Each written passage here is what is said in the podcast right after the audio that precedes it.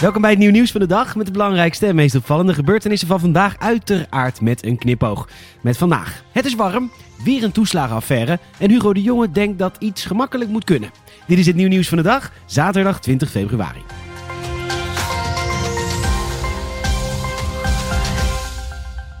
Het ministerie van Financiën schat dat er ongeveer 10 tot 15.000 Nederlanders in de knel zijn gekomen doordat zij gebruik maakten van de leenbijstandregeling. Dat ontdekte de Volkskrant. Via deze zogenaamde BBZ konden mensen in de bijstand via een renteloze lening een eigen bedrijf beginnen. De lening werd kwijtgescholden als de inkomst uit het eigen bedrijf niet boven de bijstandsnorm uitkwam. Alleen werd het kwijtgescholden bedrag vervolgens bij het toetsingsinkomen van de persoon in kwestie opgeteld. Het gevolg is dat zij in het jaar na de lening duizenden euro's aan vermeend te veel ontvangen toeslagen moesten terugbetalen aan de Belastingdienst. Het boekhoudkundige gesteggel kwam elf jaar geleden al aan het licht. Dat komt naar voren uit Kamervraag uit 2010. Vier jaar later kreeg staatssecretaris van Financiën Erik Wiebes, daar heb je hem, al het verzoek om de regeling aan te passen en de gedupeerden te compenseren. Pas in 2017 lukte het Wiebes om de problemen op te lossen, maar onterechte schulden werden desondanks niet gecompenseerd. Na weerstand uit de Tweede Kamer kwam Wiebes met een compromis om de gedupeerden tussen 2014 en 2016 te vergoeden. Kortom, één groot drama weer. Want uh, van de gevallen voor 2014 hebben mogelijk meer dan 10.000 mensen nog steeds problemen met de Belastingdienst. Ja, daar gaan we weer. Een nieuwe toeslagenaffaire. Misschien moet die Erik Wiebes dus opstappen. Oh, die is al weg. Uh, het kabinet vallen dan. Oh. Het is tijd voor het nieuw nieuwsgetal van de dag. Je krijgt nu een getal aan het einde van de podcast. De context. Het nieuw nieuwsgetal van de dag is 79. Vanaf april is het naar verwachting mogelijk om evenementen toe te staan met behulp van toegangstesten. Dat stelt eh, minister van Volksgezondheid Hugo de Jonge in een interview met de Volkskrant. Volgens de jongen zou het mogelijk moeten zijn om dagelijks enkele honderdduizenden mensen van een testbewijs te voorzien. Maar volgens Hugo de Jonge moet wel vaker wat mogelijk zijn. Maar goed, met behulp van deze testbewijzen zou toegang tot evenementen of sportwedstrijden mogelijk kunnen worden. Volgens de demissionair minister kan de testuitslag mogelijk via een app, heb je hem getoond worden. In maart wordt er gestart met experimenten waarbij mensen via een testbewijs toegang krijgen tot een evenement. Tegenover de Telegraaf reageren ondernemers boos op het plan van de jongen. Met name omdat hij stelt dat de testaanpak niet zou gelden voor winkels en horeca. Volgens de coronaminister zijn cultuur, evenementen en sport nou eenmaal kleiner en veiliger te organiseren. We gaan het zien. Terwijl de laatste sneeuwrestjes net zijn weggesmolten, staat de lente alweer voor de deur. In de beeld is vanmiddag een temperatuur van 15 graden Celsius gemeten. Hiermee is vandaag officieel de eerste zachte dag van het jaar.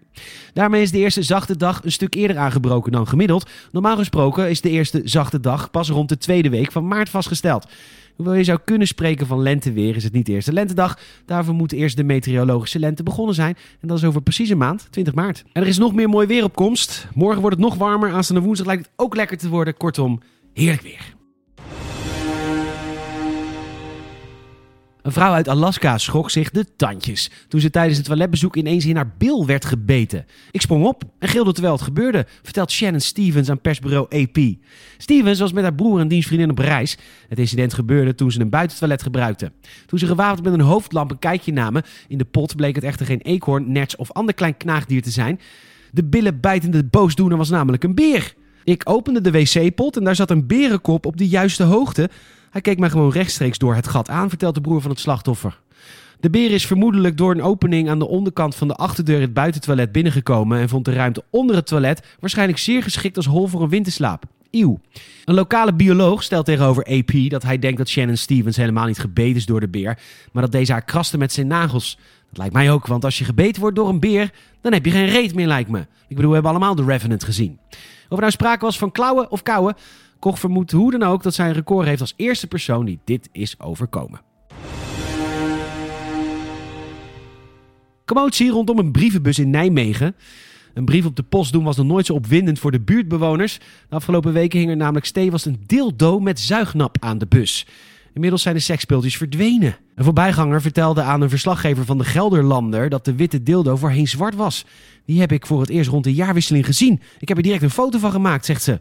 De wandelaar was verbijsterd toen de kunstpenis ineens van kleur was veranderd. Het ding hing er toch zeker een maand, totdat ik opeens een witte zag. De politie breekt zijn hoofd over het mysterie van de witte genotsknots. De piemelplakker is namelijk door niemand gesignaleerd. Ah, wat een slecht programma.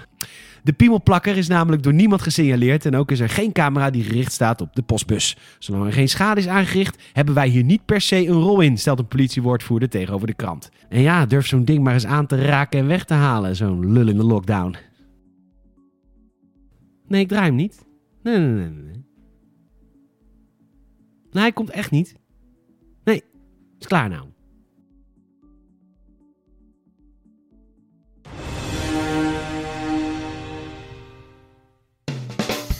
Het nieuwe nieuwsgetal van de dag is 79. In de nasleep van de zogeheten avondklokrellen zijn er tot nu toe 79 mensen veroordeeld. Het grootste deel van hen, 18 relschoppers, komt uit de regio Zeeland-West-Brabant. In Amsterdam zijn volgens nog de meeste verdachten in beeld. Volgens het OM komen er de komende tijd nog veel meer veroordelingen aan als onderzoeken worden afgerond en opruiers opgespoord. Dat schrijft één vandaag. Bedankt voor het luisteren. Help het nieuwe nieuws van de dag te groeien en vertel een vriend of vriendin over deze podcast. Laat ook even een Apple Podcast review achter en make them good. Check elke dag nieuwnieuws.nl voor het laatste nieuws. En volg ons ook even via YouTube, Twitter, Instagram, Facebook en TikTok. Fijne zondag alvast. Tot morgen.